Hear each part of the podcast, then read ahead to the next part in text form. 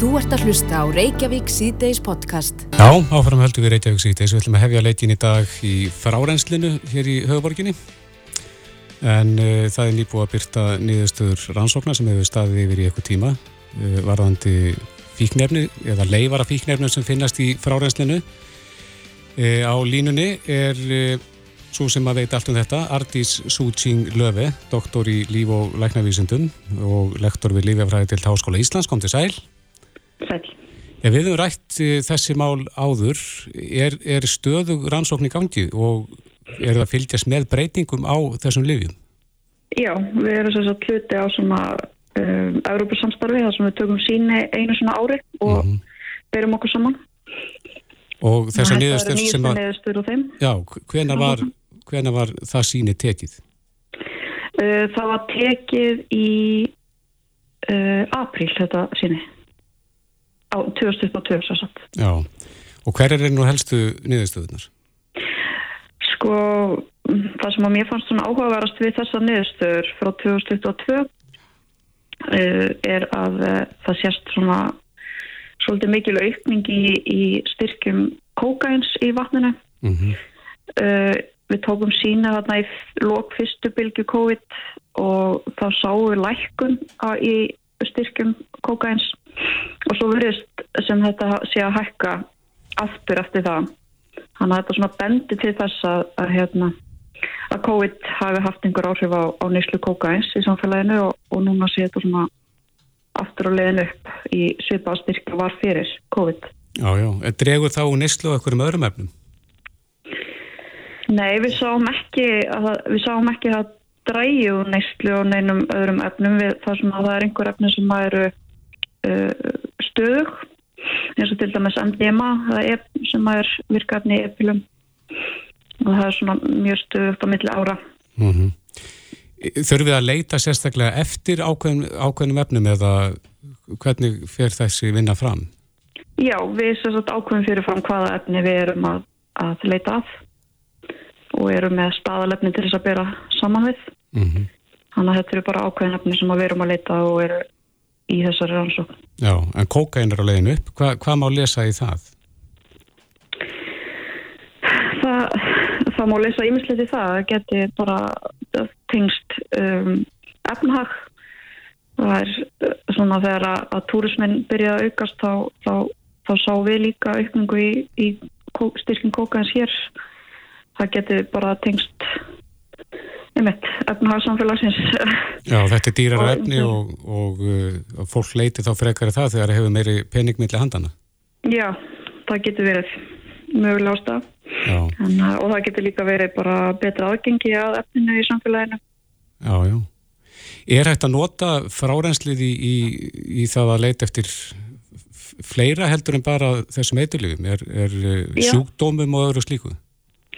Já, það er mögulegt. Við hefum ekki framkvæmt það rannsóknir hérna á Íslandi en það hefur verið gert í öðrum landum, stölu í Európu. Já, eftir hverju þá leitað?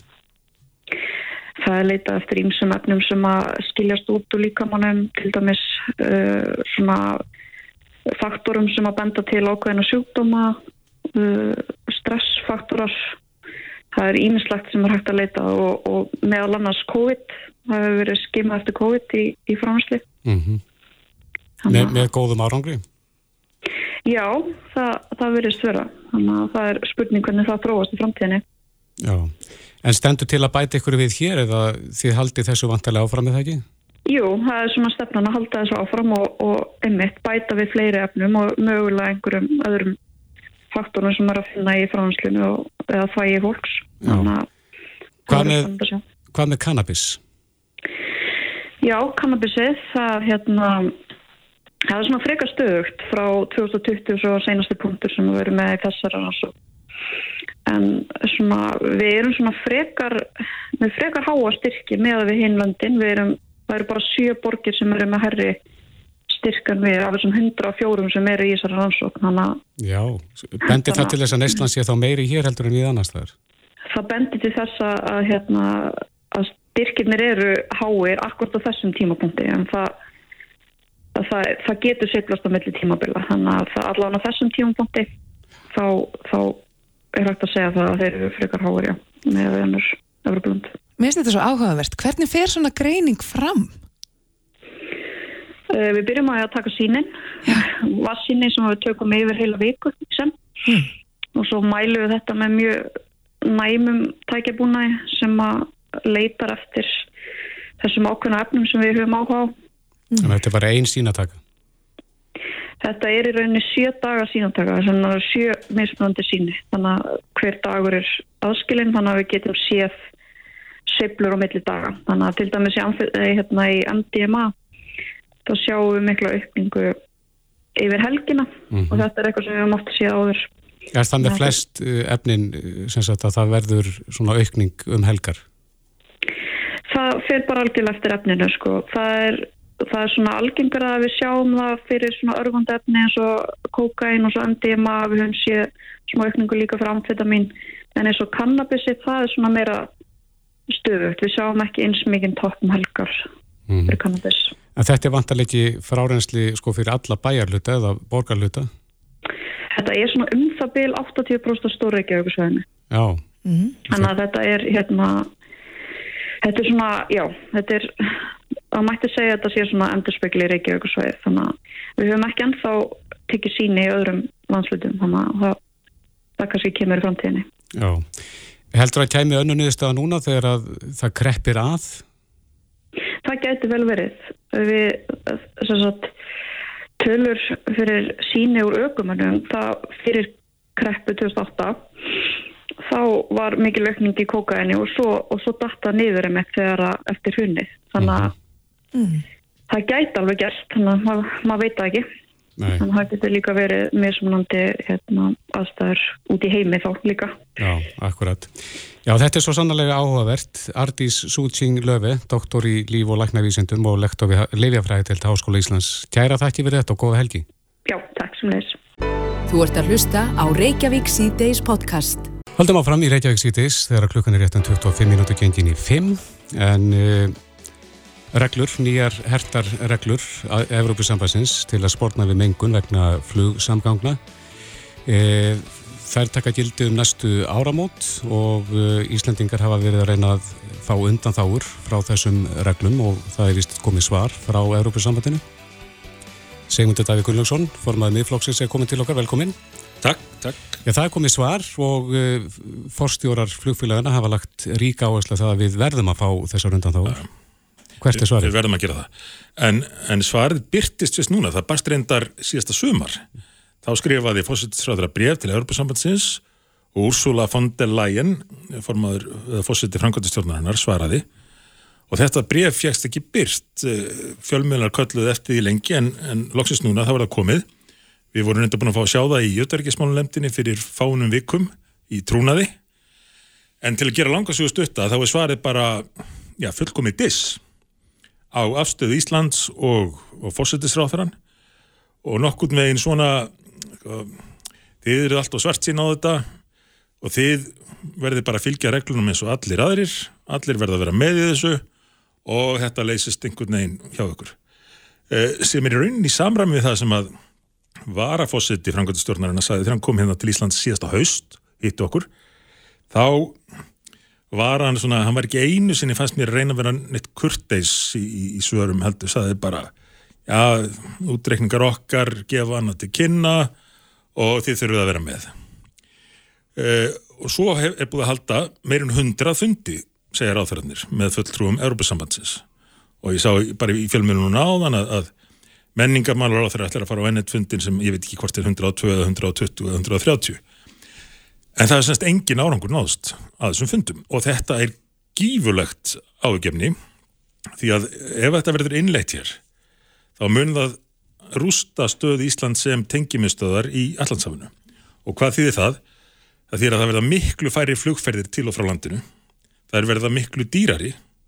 Ferðarþjónustan kemst í algjört uppnám. Útflutningur til dæmis á, á ferskum fiski kemst í uppnám. Og e, fyrirtæki velta því fyrir sér, hlýtur að vera, hvort að Íslands er góður staður til að starfa á ef að flugsamgöngu við landið eru takmarkaðar. Þannig að þetta er risastort mál.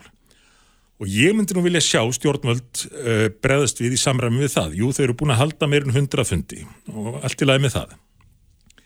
En svo segja ráþeirarnir hluti að borðið, já við meðum ekki vera stikkfrí. Og Íslensk stjórnvöld eru búin að leðum mér að segja álpast til að elda Evrópusambandið í lofslagstefnu þess þrátt fyrir að aðstæðar á Íslandi séu gjör ólíkar. Við framleiðum nánast alla okkar orku, rávorku með endur nýjanlegum hætti. Evrópusambandið er, er fast í einhverju stefnu um að draga saman losun og ætlar að gera það og er að gera það í rauninni að miklu leiti með því að færa framleiðsluna, verðmætasköpununa til Kína En, og annar landa. já, en hversu stór partur af losun Íslands er í gegnum flugið? Það er, uh, ég man nú ekki nákvæmlega tölna, en, en, en það er uh, auðvitað eftir því hvernig á það litið, hvort reiknar þetta allt sem, sem losun á ábyrð Íslands, sem að á, á ekki að vera, það er í hluti af þessu F, ETS-kerfi vegna þess að það, þetta varðar önnu lönd. Fólk er að koma frá öðrum löndum og fljúa til Íslands og áfram til annar landa. Þannig að það er ekki hægt að setja það allt á, á Ísland, en samkvæmt þessu þá lendum við samt í því í raunin að bera ábyrð á öllu þessu flugi. Og, og þetta mun skafa okkur hlutvarslega miklu meira en nokkur annan. Og ekki bara út af þessu með, með tengimiðstöðuna hérna heldur líka vegna þess hvað flug er stór þáttur í okkar efnaðslífi, hvað ferðarþjónustöðun er stór þáttur í okkar útflutningstekjum. Þannig að jafnvel þó að menn fengi einhverjur undan þá er varðandi að stilla þetta af með við tengiflugið þá hefur þetta samt miklu meiri áhrif á okkur en önnurland vegna þess hversu stóri þessi geir er. Við getum ekki farið til næsta lands í jafnbreytalist eða í strætó. Akkurat. Við þurfum að fa- fara með flugvél. Þannig að þetta er leggst mjög þungt á Ísland samanborðið við aðra og rústar samkemnastuð okkar. En hvernig sko leggst þetta á hinn almenna borgara hérna? Er, er, er búið að reikna það út? Áhrifin, já það hafa verið gerð möt á því hve- hversu mikið þetta geti hækkað flugmiðana. Það fyrir til dæmis eftir nýtingu flugvélana, hversu mörg sæti eru nýtt uh, og, og, og fleiri þáttum en, en það er auðvitað að reikna sig upp í 100 eurur á, á legg á, á flugsæti en, en þetta er ekki allt sko því að þetta er stefna sem að virðist ekki byggjast á miklu innihaldið útreikningum. Það er nú algengt í politíkinu nútildags þetta er allt spurningum yfirbræðið. Sína að það sé verið að gera eitthvað stórt í lofslagsmálum þannig á til dæmis, samkvæmt þessu, að banna flug, flugvélum eða flugfélögum að fljúa með meira bensín, meira eldsneiti en þarf til að komast á áfangastæðin og eins og minn þekkja þá að flugvélar auðvitað tekið auka eldsneiti uh, til að geta bröðist við ef að veður er aðstæður öryggismál. Öryggismál, já Þa, það var bannað þetta og þeir sína þetta mjög skýrt í, í súluriti það má ekki taka meira eldsneiti en þú þarf til að komast á staðin kannski bara á síðustu drópunum vantanlega og þetta er raukstuð með því að flugvélarna séu of þungar ef það eru með of mikið eldsneiti og þá meiri, eyðir meira eldsneiti Þannig að þetta er allt svona eftir þessu. Það er ekkert verið að líta, finnst mér, til raunveruleikans. Og þetta kallar á viðbröð frá íslensku stjórnvöldum og þau þurfa að vera afdráttalus. Þegar að menn eru búin að elda ESB í öllu í, í sínum loslasmálum uh, og nálgast þetta svo með því að segja, já við, við ætlum ekki að vera stikkfrí, við viljum taka þátt, þá hugsa menn á þessum hundrað fundum, já, já, þeir, þeir láta sig hafa þetta á endanum. Mm. Það þarf bara að segja, þetta á ekki við um aðstæður hjá okkur, við munum ekki samþykja þetta. En þurfum við ekki að taka þátt eins og aðra þjóðir? Við, Evróp- hérna EES-samningurinn er, er alltaf að vaksa og vaksa og farin langt út fyrir sitt svið og Ísland, eins og ég nefndi á hann, álpaðist í miður til að elda Evrópusambandið í umhverfismálum, í lofslagsmálunum. En við höfum þó heimild til að uh, hafna innleðingu ef hún hendar ekki okkar aðstæðum. Ísland hefur aldrei gert þetta. Þetta kom til umræðu í tengslu við þriði orkupakkan og þá nefndu nú ímsir að var verið tímabært að fara að nýta þetta ákvæði því annars væri menn að líta svo á að það væri ekki gildi. Hefði það eitthvað afleðingar? Eflaust hefði það einhverjar afleðingar, mennur eru pyrraðir út í okkur en hinn valkosturinn er sá að þetta flug sem að hefur farið gegnum Ísland færist einfallega annað. Ég hugsa til dæmis að, að stjórnundur flugvalla, hvað heita þeir, Stansted, Luton og þarna alls það er í kringum London býði spenntir eftir því að þetta verið samþygt því að nú er Bretland ekki lengur uh, þessu undirorpið. Þannig að millilandaflugið myndi að miklu leiti færast tanga telja menn. Og þá er þið til það sem að kalla þér kólefnisleki þess að losunin myndi bara færast annað. Uh, en þetta hefði slík áhrif á Íslands samfélag að ef að við hleypum þessu í gegn þá sér maður ekki fyrir sér að komi nokkuð tíman til með til þess að stoppa neitt frá Európusambandinu. Mhm. Þannig að e, þú vilt að Íslensk stjórnvöld neita skrifundir að það verði niðurstaðan í þessu máli. Þau þurfa, ef þeim er alvara með að ná árangur í þessu, og nú hef ég smá reynslu af að eiga við þetta Európusamband, ef þeim er alvara með að ná árangur þá þurfa þau bara að segja þetta hendar ekki okkar aðstæðum, þetta mun rústa okkar stöðu, það er okkar mat, okkar útrekningar, við munum ekki samþykja þetta óbreytt, við þurfum undan þái frá þessu. Og þegar ég segi undan þái þá er ég ekki að meina bara einhver tímafrest eins og þeir getur bóðið eða einhvað slíkt aðlugunar tíma að því að flugið er bara það mikilvægt fyrir okkur sem þjóð og svo marganhátt að við getum ekki látið draga okkur inn í þessa sjálfseðingar kvöt ESB Einmitt. en, og, og, og svo þetta reyndar á viðum ótalmart fleira. Eldsneita á bíla og miklu, miklu fleira slíkt sem mun hækka og, og verðhækkanir eru nú nægar fyrir í, í samfélaginu Já, vel bara lífskjör á Íslandi. Já, já, þetta mun hafa verulega áhrif á lífskjör Mm. mjög verulega En talandu lífstjóra í Íslandi, uh, enn einn stýrifæsta hækkunin varð raungerðist núna í vikunni og uh, stýrifæsta komið í 7,5%. Hvernig metur þú efnagas horfirna núna á næstunni? Ég hef bara mjög verulegar áhugir á þeim og hef rætt það allengi til að mynda fyrir síðustu árum og til að verða að vera fjallum fjárlagafrjónarpið. Það sem annars vegar var lagt upp með það að ríki myndi eina ferðin enn uh, leiða verðhækkanir í landinu með því að hækka öll sín göld. Uh, við vörðum við þessu og þegar ég var með þeim sem ennir fjármálar á þeirra í ríkistjórn þá ákveða að fara frá þessu að ríki ætti að hætta að leiða verðhækkanir við hverju árumót. Það er komið á aftur. Og hvað gerist strax komið fyrirtækin fram og svo, já, ríkið er búið að hækka, eldsneiti skjöld og fleira og fleira, nú þurfum við að hækka okkar verð. En það sem er ennþá starra er þetta þessi, þessi gífurlegu útgjöld ríkisins við þessar aðstæður. Öll með voru slegin síðast, mesta hækkun á fjölum, mestu útgjöld ríkisins nokkuð tíman frá landnámi, uh, hlutvarslega mesta hækkunin í krónumtalið eða, eða hvernig sem það var mælt og þetta rétt eftir COVID-tíman það sem að ríkistöndin sagði okkur nú verðum við að eigða tölvöldum peningum til að bregðast við að verða að verða að loka atvinnulífinu í landinu að miklu leti og allir skildu það ef þið ætla að loka uh, á framleyslu í landinu og atvinnulíf þá þarf þetta að halda fyrirtækjunum á floti Enda fylgdi sögunni um leið og við erum komin í gegnum þessi efnaðslega áhrif af COVID, þá þurfum við að fara að spara, þá þurfum við að fara að borga niður skuldirnar. En hvað gerðist? Það var til nýtt gólf í útgjöldum og svo var byggt ofan á það. Og svo bætti fjárlanemdin enn við einhverjum 20 miljardar. Og nýjustu frétti núna eru að jafnvel þessi stórkoslu áformum útgjöldu ekki til, að það, þau gæti orðið, já, Hallin á Ríkisöðu gæti orðið kannski 40 miljardum meiri en, Ja, en spáðar. Nú verður ný fjármála á allan kynnt eftir helgi, Já, Hvað- já, það stóð til stendur til, já. uh, ég er að heyra einhverja fréttir af því úr þingjun að því kunna verða frestað sem að væri nú mjög óheppilegt. En já, Þegar að, þegar að hún verður kynnt, hvað viltu sjá í þessari áallin? það þarf uh, það þarf sparnað. Fórsetisráðurinn og fjármálaráðurinn hafa frekar gefið til kynna að það verði bröðist við hallanum með skattahækunum og, og þá spyr ég nú bara má almenningur við meiri álugum en nú eru þegar orðin fjármálaráðurinn reynda að saði svar við mig í þingin í gær þetta verði ekki skattahækkanir sem, sem leggjast á launafólk.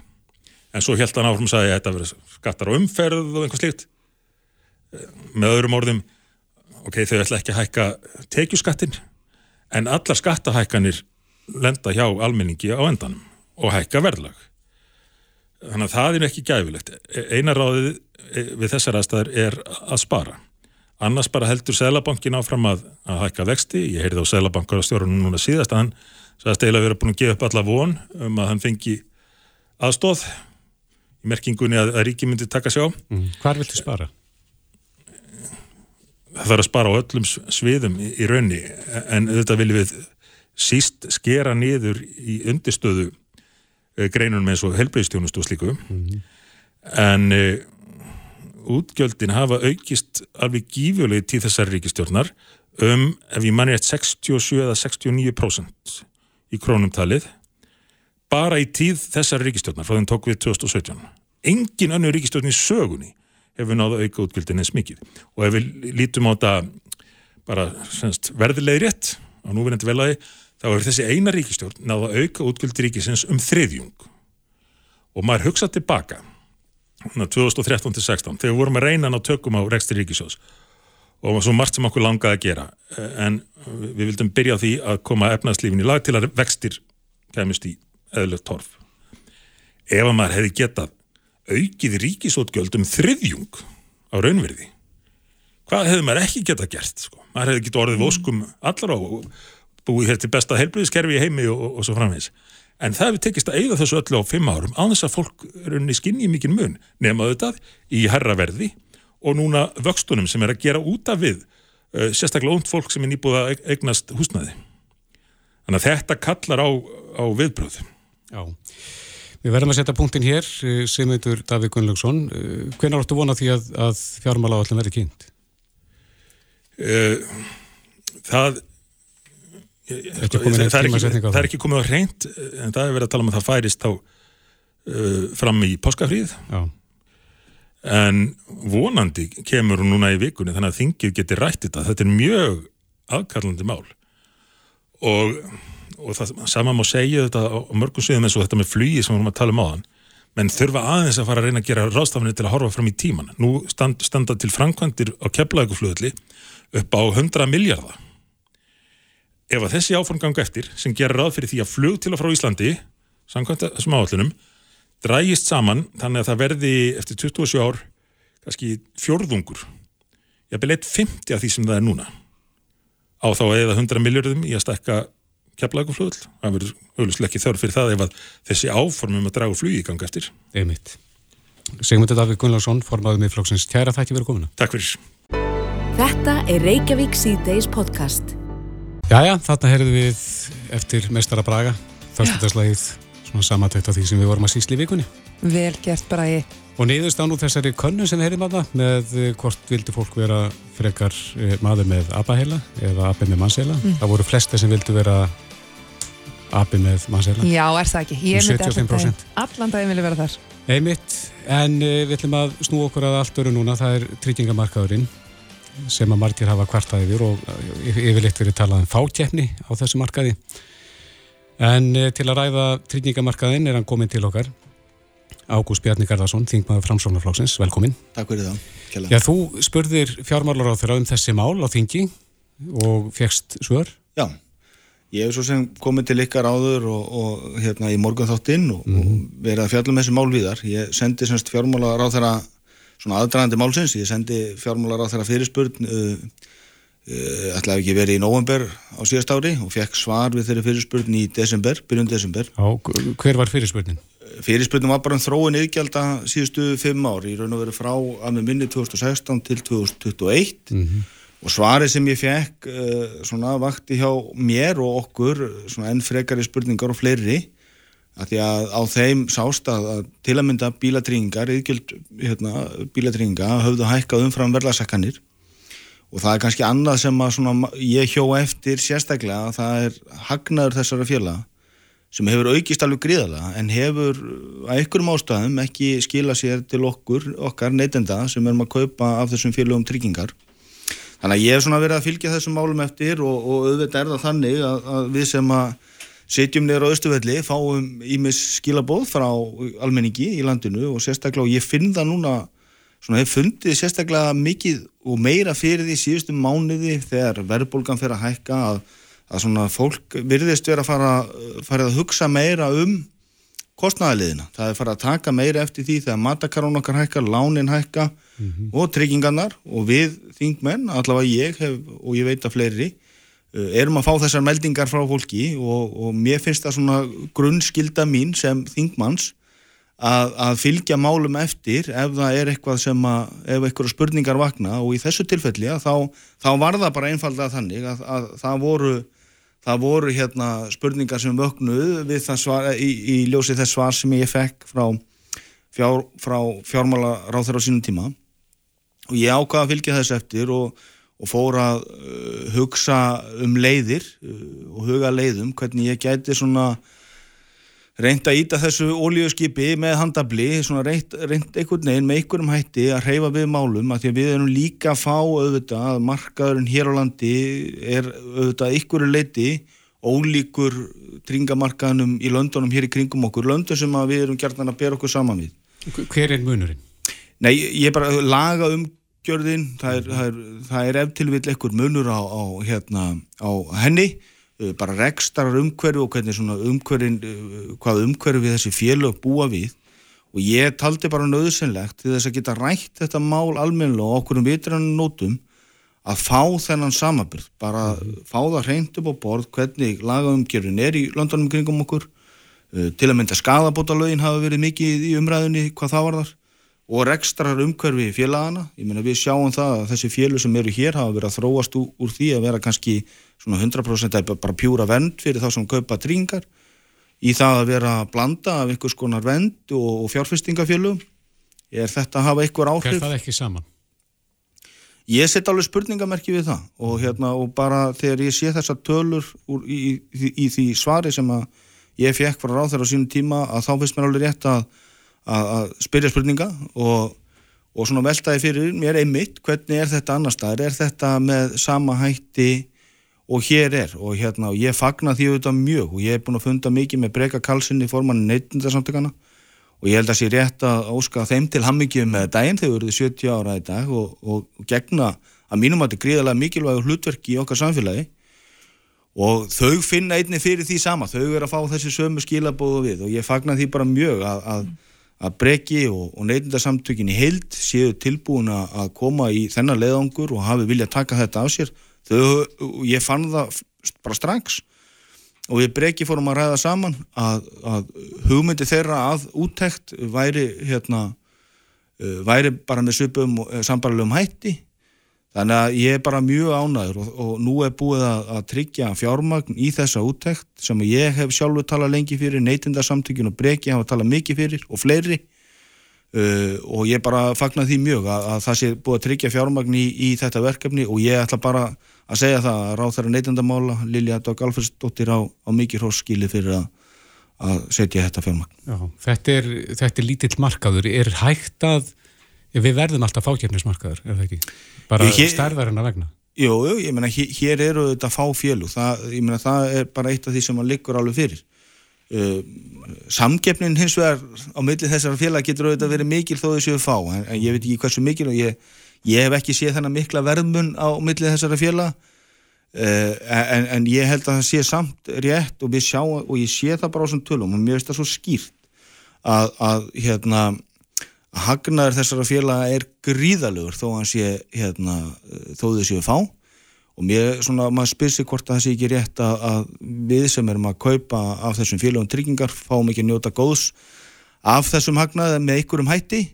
Uh, uh, og, og svo líka held ég að við sem samfélag sko, við sjáum það, nú, nú komið það því að það er allir að greiða tryggingar. Og ég held að við sem samfélag sem komin á mjög vondan stað í, í þessari verðbolgu, í þessum vaksta hækkunum, í öllum þessum hækkunum sem við sjáum í samfélaginu að við, ef við förum á þann stað að til að mynda líf og sjúkdómatryggingar sem eru mjög mikilvæga tryggingar því öll lendur við í einhverjum áföllum í lífsins olgusjó að ef að fólk fer að hug, huga því að ég þarf að sleppa þessu vegna þess að mm. eitthvað annað mm -hmm. þannig að ég held að, ég held að það sé bara mjög mikilvægt að skoða þennan markað heildstætt, fá raunverulega samanbyrg, hvar getur við gert betur og, og vinna svo út frá, út frá því Og hvernig mun þessi úttækt fara fram? Hva, hvað er að fara að gerast þá í kjölfarið? Já, ég veiti þess að, að, að eins og ég segi, nú er þetta búið að tryggja þessu fjármagn, þessar úttækt og ég veiti þess að, að Breki og hans fólki og neitundarsamtökunum eru,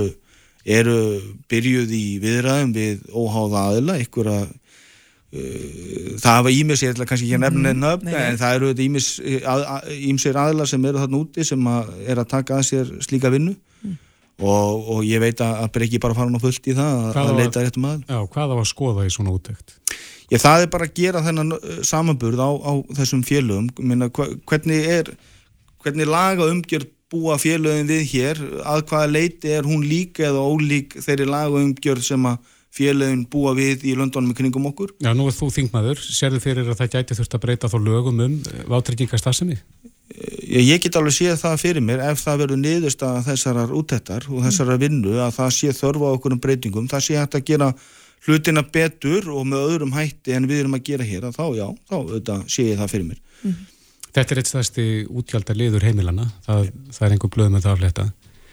Nei, nei, minna, þetta, þetta rýfur í veskið. Við sjáum það bara að, að yðgjöld hafa auðvitað hækka mikið og ég nefndi hér matakörfuna lánin okkar og, og við verðum líka einhvern veginn, það sem ég hef líka verið að, að nefna bara í þessu ástandi, minna, við erum nýkomin út úr alheimsfaraldri, COVID, uh, við erum, hérna, það er stríð í Evróp, eitthvað sem að, kannski engum óræði fyrir og, og, og bjóst við og allt hefur þetta áhrif, þetta er ítir undir þessar velasækkanir og ég hef oft talað um breyðubökin og mér finnst að þeim tölum sem ég hef séð uh, varandi tryggingafjölögin og svona hvernig hérna, hversu mikill hagnaðan þeirra er og kalla þessi fjölu breyðubökin að svona sína einhverja samfélagslega ábyrð og standa með fólki og almenningi í landinu, sérstaklega í ljósi þess ástand sem að sem við sem samfélag erum í núna og, og þurfum einhvern veginn öll að, að vera saman í því að, að, að ná verðbólgunum niður og, og það er markmið okkar allra. Algjörlega, rýna þessi kjölinn og sjá svona hvað er hægt að taka til. Já, ég meina, eins og ég segi, ég meina, þetta er verkefni okkar allara. Þetta er verkefni stjórnmálamanna sem sitja á þingi og bera núna ábyrð uh, og, og ég lít svo á að þetta er líka verkefni fyrirtækjana. Mér finnst það að vera samfélagslega ábyrð að íti ekki öllum, öllum verðlagsækunum beint út í verðlag til okkar neytunda.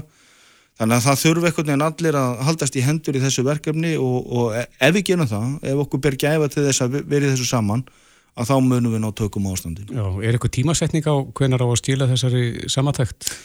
Nei, ég veit að, að svona vinna, hún á ekki að taka langa tíma en auðvitað getur það verið uh, sveigjanlegt en, en ég, við, uh, úr samtali, samtali mínu við breka að, að þá held ég að þau séu að miða við kannski sex mánuða, sex mánuða vinnu en svo hérna, svo er það okkar ef það er eitthvað sem við þurfum að líta til og breyta þá er það okkar þingmann að taka, taka við niðurstöðum þessara vinnu og ég veit að, að þau ætla sér að vanda vel til verka. Já. Ágúst Bjarni Garðarsson, þingmaður framsónarlóksins, kæra þakki fyrir komuna og góða helgi. Bestu þakki, góða helgi. Þetta er Reykjavík C-Days podcast. Jæja, klukkuna vantar eh, 27 minútur í, eh, fimm- í 6, ætla ég nú að segja. Eh, Slökkuliðið á höfuborgarsæðinu hefur haft í nógu að snúast eh, núna í dag og í gær en eh, eldur kviknaði það ekki nýbyggingar í Garðabæ á 5. tímanum í dag og allt tiltækt slökkulið eh, var sendt á svæði til að berjast við eldin en þarna var eitthvað sprenging Já. í þaki. En svo er það þessi sinubrunni sem var við Strömsvík. Þar gekk svolítið erfilega að ráða niðurlögum eldsins en þar voru nemar í skólaferðalegi e, frá MK, mentaskólanum í Kópói. Mm. Og einn var með e, blís, eitthvað svona kúlublís sem að e, kveikti þennan eld. En þetta minnir okkur á það að þessi ástími rauninu upp, það sem að mjög þurft er í það í gróðri og, og það má segja sinu tímabilis í hafið. Á línunni er Pétur Pétursson, slökkvöldistjóri Brunavarna Árnisíslu, kom til sæl. Já, komið sæl. Já, þú tekur undir það að það ekki að þetta tímabili hafið, það, það sem að menn þurfa að hafa varan á. Já, það er hafið og einhvern veginn er það nú þannig að því einhvern veginn líkur bara aldrei orðið. Það er hérna, við erum að berjast við gróðureld árið á öllum ástímum og miðjan vetur og um daginn hjá okkur í árningsíslu til dæmis í 14 steg af frosti og róki var starðarinnar sinueldur sko. Þannig að þetta er ekki endilega bundið í sumarið á sólina. Ok, En e, það, það fylgdi nú sögunni að þetta var óhapp þarna við Strömsvík, e, en eldurinn getur verið fljótur að breyðast út í það ekki, maður þarf að hafa svolítið snör handtök ef að eldur kemur upp. Jú, eins og aðstæður eru núna við á landinu, ekki allstæðar þó, að þá er gróður alveg ofsalega þurr og sínan alveg sérstaklega við þessar aðstæðas, þegar hún er svona þörur og hún er svona alveg gjörsanlega döið og, og það er vindur, þá er þetta bara nánast eins og að henda elspítu í póðtunnu. Þetta gerist bara halveg um leið og þú missir stjórn á aðstæðum bara, bara strax ef þú bara hreinlega nærði ekki að stíga beint og þá sem þú hendir ráðir eða, eða hvernig sem það er. Já, hver eru réttu viðbröðin?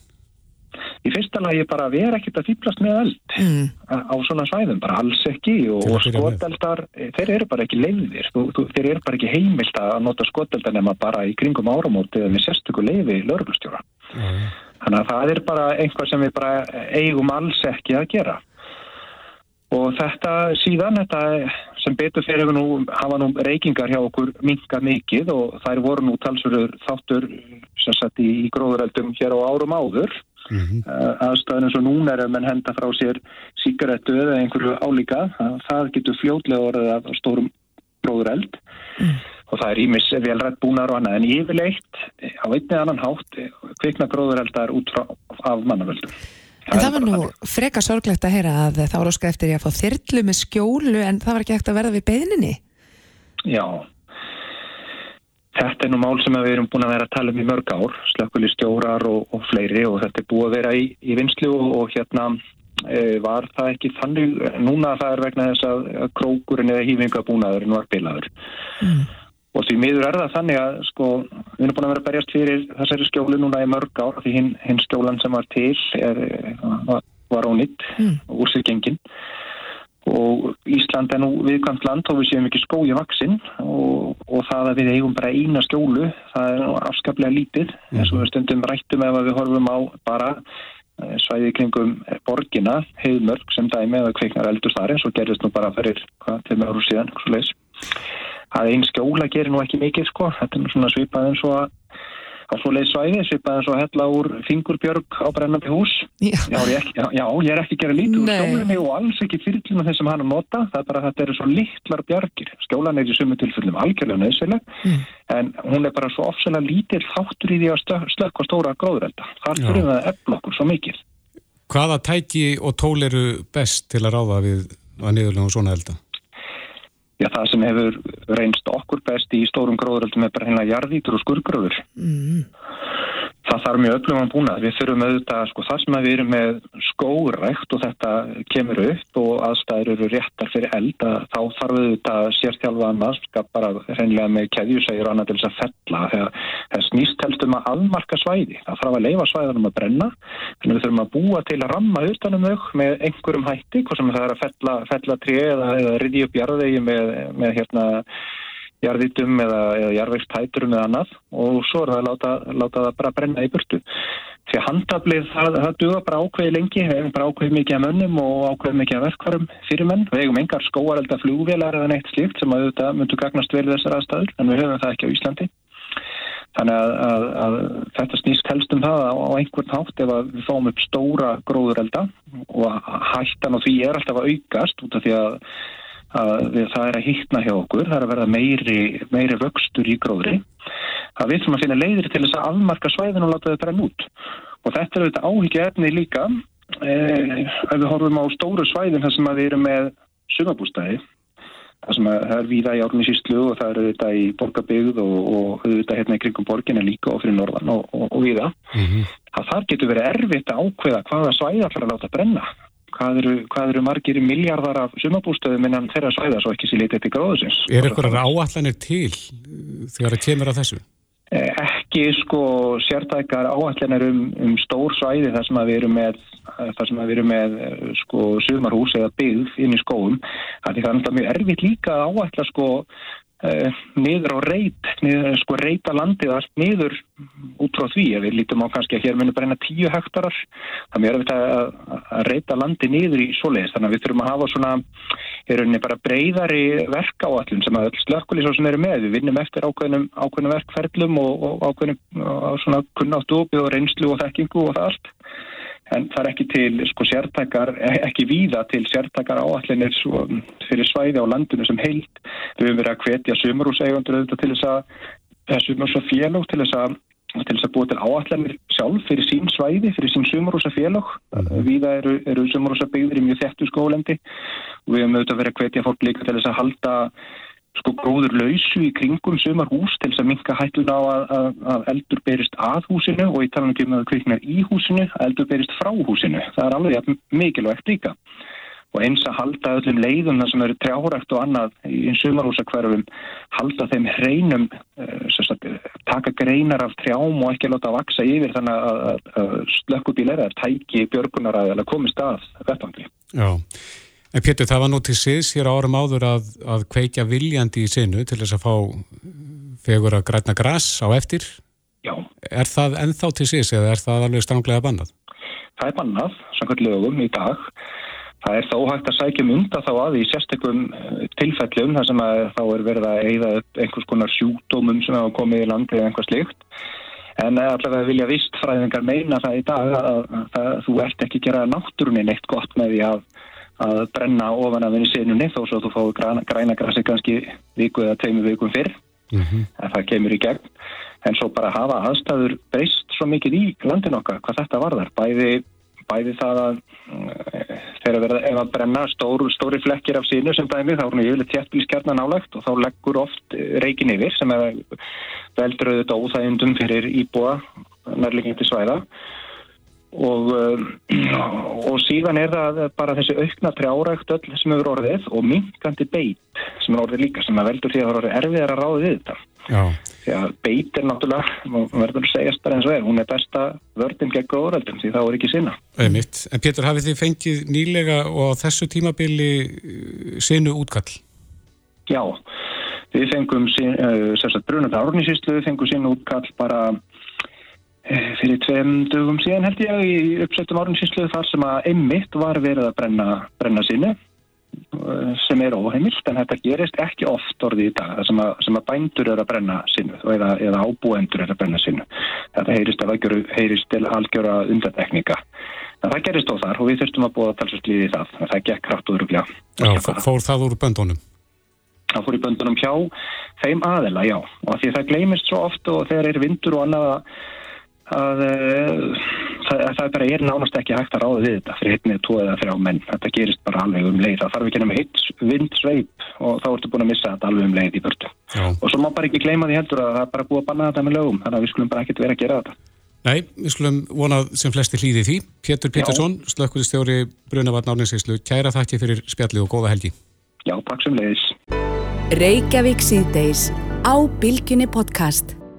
Íslenska veðurfarið getur svo sannanlega að leikja okkur grátt og ég segi nú fyrir sjálfa mig ég er alltaf í mestu vandræðum hvernig ég á að hugsa um húðina mína og eh, hún verður svo þurr í, frostinu mm. og mhm. svo þegar það fyrir að lína þá einhvern veginn fyrir hún að verða svona meira, já hvað getur maður sagt meiri ræki í nefn þannig að maður einhvern veginn verður bara í stökustu vandræðum Já en það er nóg af húðvörum til á markanum Já en hvað á maður að nota og hvernig eigum við að, já eins og segi hvernig hefur við að gera þetta í þessu íslenska veðufari? Já, ég segi bara þurfum við yfirleitt að setja eitthvað í andletið okkur. Jenna Huld Eisteinsdóttir húðlæknir á húðlæknarstöðinni er á línunni, kom til sæl.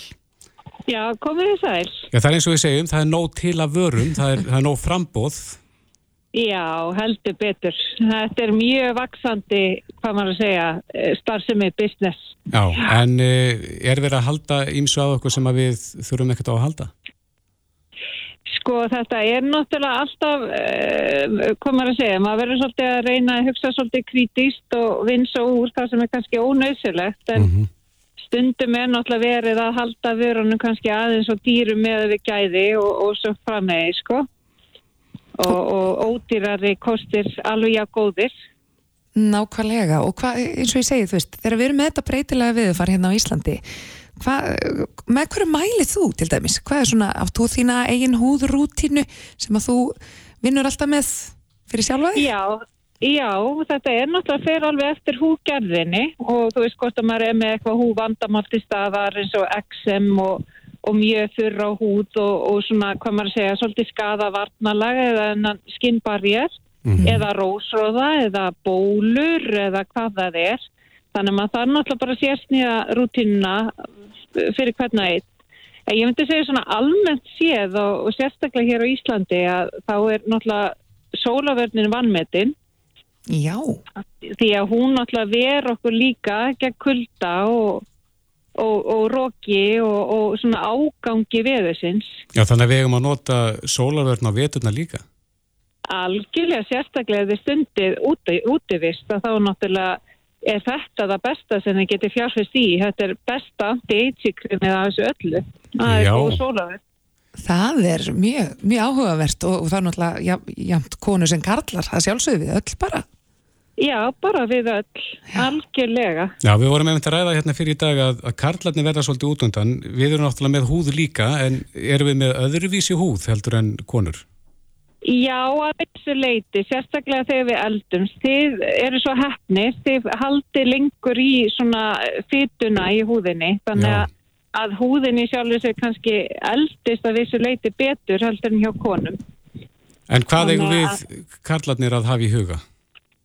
Það er náttúrulega bara einföld rútína, myndi ég segja. Þú veist að, að þrýfa húðina náttúrulega kvölds og og, bera rakakrem og ég náttúrulega segja við alla Mm og svo náttúrulega þegar það er orðið það sem er kallað þrosku húð eða svona maður er rauninni kannski fyrir ekki að ég er hérna í reið Þetta var afar heimilisleg. já, hann er, já, já, hann er eitthvað sáriður að vera að missa hóknum já, já. en hérna en þá er það í rauninni að hugsa svolítið út í þessi A-vitaminlif eða retinól sko til að byggja upp kollagenið aftur í húðinni og, og hérna og svona komið veg fyrir ótíma bæra öldru. Eigum við þá að leita að vörum, húðvörum með retinolí?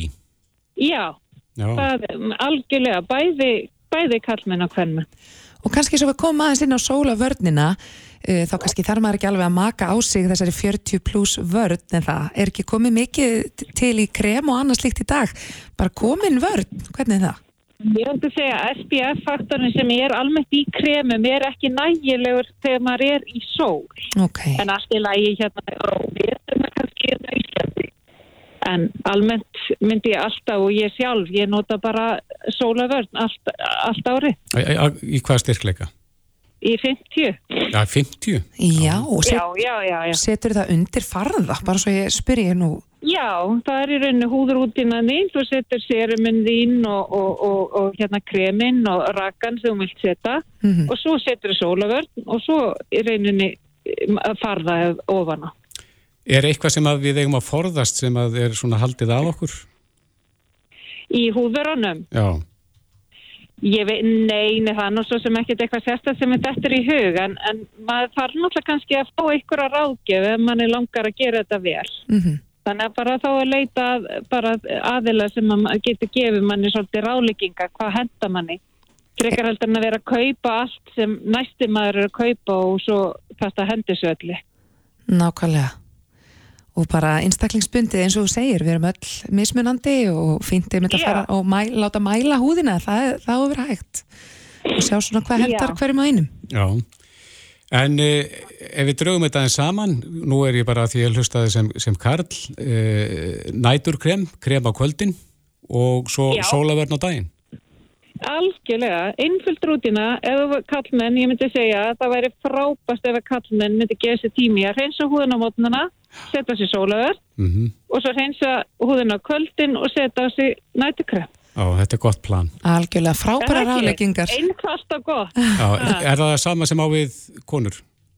Já, já, við viljum nú aðeins svona yfirleitt flækita með, flækita með skemmtilegum serumum inn á Mm. milli og svona sko, Já. þannig að við Aðeins. gefum okkur aðeins meiri tíma. Einmitt. Herðu, að því að þú ert í reyðtúr og, og hesturinn orðin fyrir eitthvað pyrraður, við ætlum að hleypa þér áfram. Heyrðu, takk fyrir það. Je- Jenna Huld. Gaman að heyri í ykkur. Já, sömuleiðis. Jenna Huld, Eistinsdóttir, húðlæknir og húðlæknastöðinni. Takk fyrir þetta. Já, takk. Hlustaðu hvena sem er á Reykjavík C-Days podcast. Herðu, það eru stór tíðindi á stöðu tvöðu kvöld. Eithór Ingi. Heldur betur, kvöldstund með Eithor Inga, Já, nýr þáttur splungunýra á nálinni sem að er sérst verið að frumsýna í kvöld. já, mér skilst nú samt að þetta hefur verið gert tvisvar áður en Eithór Ingi er á línunni, komdu sæl. Hæ, hæ. Þú varst búin að taka generalpröfu það ekki tveimur þáttum áður. Jú, ég, við, við gerðum uh, svona, það má segja, páska special. Já, Við tókum tvo þætti um páskana í fyrra og hérna, og gerðum sem sagt svona smá, smá kvöldstund með, Mhm. með Eithor Inga, með fólk í salnum og, og heim í stofu. Og hvernig gekk þetta? Hvernig fór þetta í fólk? Herðu, já þetta bara svona verðist það runnið á, svona ágætlega niður uh, uh, á, á, á vottinu og svona Mm -hmm. þannig að það var tekin ákvörðunum að, að prófa að gera fleiri þætti og kannski betur um bæta það aðeins með því að fá sagt, gesti til mín sem að, sem að væru þá einhverju sem að ég annarkort góði vinni mínir eða, eða einhverju sem ég, sem að ég hef verið undir miklum áhrifum frá að það er, er að tala um sem sagt, einhverja svona stjörnur Mhm. uh, Páll Rósenkrans, Björgun Halldórsson og að, að, þessi, þessi gýr sko Já, og hvað gerir þið í, í þættinu? Er þetta bara Uh, glens og grín og söngur? Já, þetta er bara allur, allur, allur skalinn. Það er, það er, ég er bara eins mikið ég sjálfur og, og hugsast getur. Mm -hmm. Það sumir spyrja mig, hvað er þema í þessu þætti? Ég segi, þema? Uh, þáttastjórnandinn er með ADHD, það er þema. Af því að, hérna, að því að ég veður einu í annað, ég tek eitthvað lag og, ég, og það er engin skýring á því að ég tek lagið, ég bara tek það og svo kemur kannski einhver saga á bakvið eitthvað og þess vegna tek ég næsta lag og, og, og svo segi ég brandara og, og, og, og hérna eða, eða, eða opna mig með bara eitthvað sem að liggur mér á hjarta og svo fæ ég einhvern gest og þá fyrir að ræðum ferilinn og þannig að þetta er bara allt í bland bæði serious talk og, og hlátur og, og grátur Og hvernig líður Eithor Inga í spyrlasætinu? bara ótrúlega vel Það ekki, er þetta ekki gaman? Jú, jú, jú, jú, algjörlega þetta, þetta, er, þetta er nú Þetta er, nú, þetta er nú mjög heimilislegt, ég er nú ekki kannski sitt nú kannski ekki með glerun á nefn og, og, og, og spurningalistan fyrir fram að mig að reyna að spurja mönn spjúrunum úr, þetta er nú meira bara svona, uh, ég náttúrulega er að fá til mín fólk sem að er, uh, sem mér finnst áhugavert, mér mm. finnst fólk almennt áhugavert en, en hérna, en, uh, en það svona leiði mann daldið áfram, bara að vilja hlusta á sögur og, og, og hérna, og fýblast. Einmitt. En þú ert fantagóð eftirherma. Þetta einhverju karakter að það inn svona inn á milli? það, það gerir það alveg sko hérna svona óskipulagt að Það bara dúkkar upp. heimsókn. já að, hérna, það getur bara skið undir einhverju svona ég veit ekki hvað ég á að segja eða, ég er hálf vandræðalegur að þá kannski koma gríp ég í, í, í, í það sko Svona öryggisnetið, það er öryggið svolítið þar. En segðu okkur, Þetta er, þetta er gott fyrir alla sem hafa upplifað það sem hafa staðið á sviði kannski sko, og taka við velunum eða viðkenningum eða, eða verið að halda ræði í brúðköpi og, og fundi þessa tilfengum með langar að hverfa. Þá er það svo gott að verða bara einhver annar í smástund. Að bjóða, bjóða annan karakter velkomin inn á sviðið? Já, og það er fyrsti þáttur í kvöld klukkan sjö, bara núna rétt á eftir. Og hver er fyrsti gestur Eithor Inga? herði, það er Friðrik Ómar sem er bæði uh, góður, góður vinnum minn frá, frá Dalvík og einn af mínum betri vinnum og svo er gaman að segja frá því að hann er líka kennarinn minn sko. hann kendi með tónment í gamla daga og hérna, þannig, að, þannig að ég er eiginlega bæði að fá þarna góðan félaga og uh, tón, gamla tónmentakennarinn minn. Já, hann er Ég- náttúrulega fantagóðu söngur, einn af okkar allra hann bestu. er fanta góður söngar og svo náttúrulega sko er húmórin aldrei langt undan. Þannig að hann er hérna og ég er með skilst að klippi, klipparinn hafi átt erfitt með að klippa hann að þátt niður þannig að þetta er óvenju langur þáttur. Þetta hérna, það var svo mikið hlegið og, og, og, og hamast að hérna að þetta, þetta verður mikil veistla Svolítið styrlu staðrindum bytt að hann hafi verið kennarðinn, mentor, Já, það því ég og Friðrikar um jafnaldra sko, ég er ekki alveg hann var reyndar að það verður að fylgja sögunni að öllu gamli sleftu að hann var óvenju ungur kennari. Ég held að hann hafi verið nýbúið með tíundarbekkin þar að fara hann að kenna. Já, akkurat. E, Ertu með dæmum lög sem þið takið í kvöld?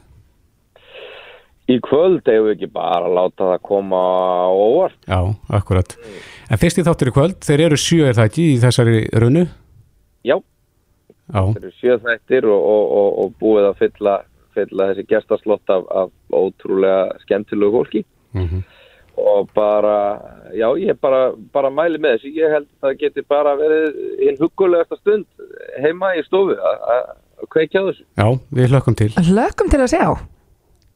Algjörlega, bara uh, gaman að hérna gaman að þið skildu vilja spjalla um þetta Já, Eithor Ingi, við bara býðum spennt við stjáinn í kvöld. Kæra þætti fyrir spjalli og góða helgi. það ásvonlegt, takk, takk Bless, bless. bye bye Já, og þá er okkur ekki til setjana bóðu, við þurfum að skipta yfir á fréttastofana. Já, það er bara komið að lokum í dag Já, við að hverfin í helgina. og uh, njótu þess að eiga, eiga hana með fjölskyldu og, og vinum er það ekki Jú, ekki spurning og við minnum að það að viðtölun allir eru komin inn á uh, vísi.is, bylgjan.is og svo í bylgju appinu. En Erna, Bræi og Kristófi þakka fyrir sig. Takk fyrir mig í dag Reykjavík síðdeis á Bilginni podcast.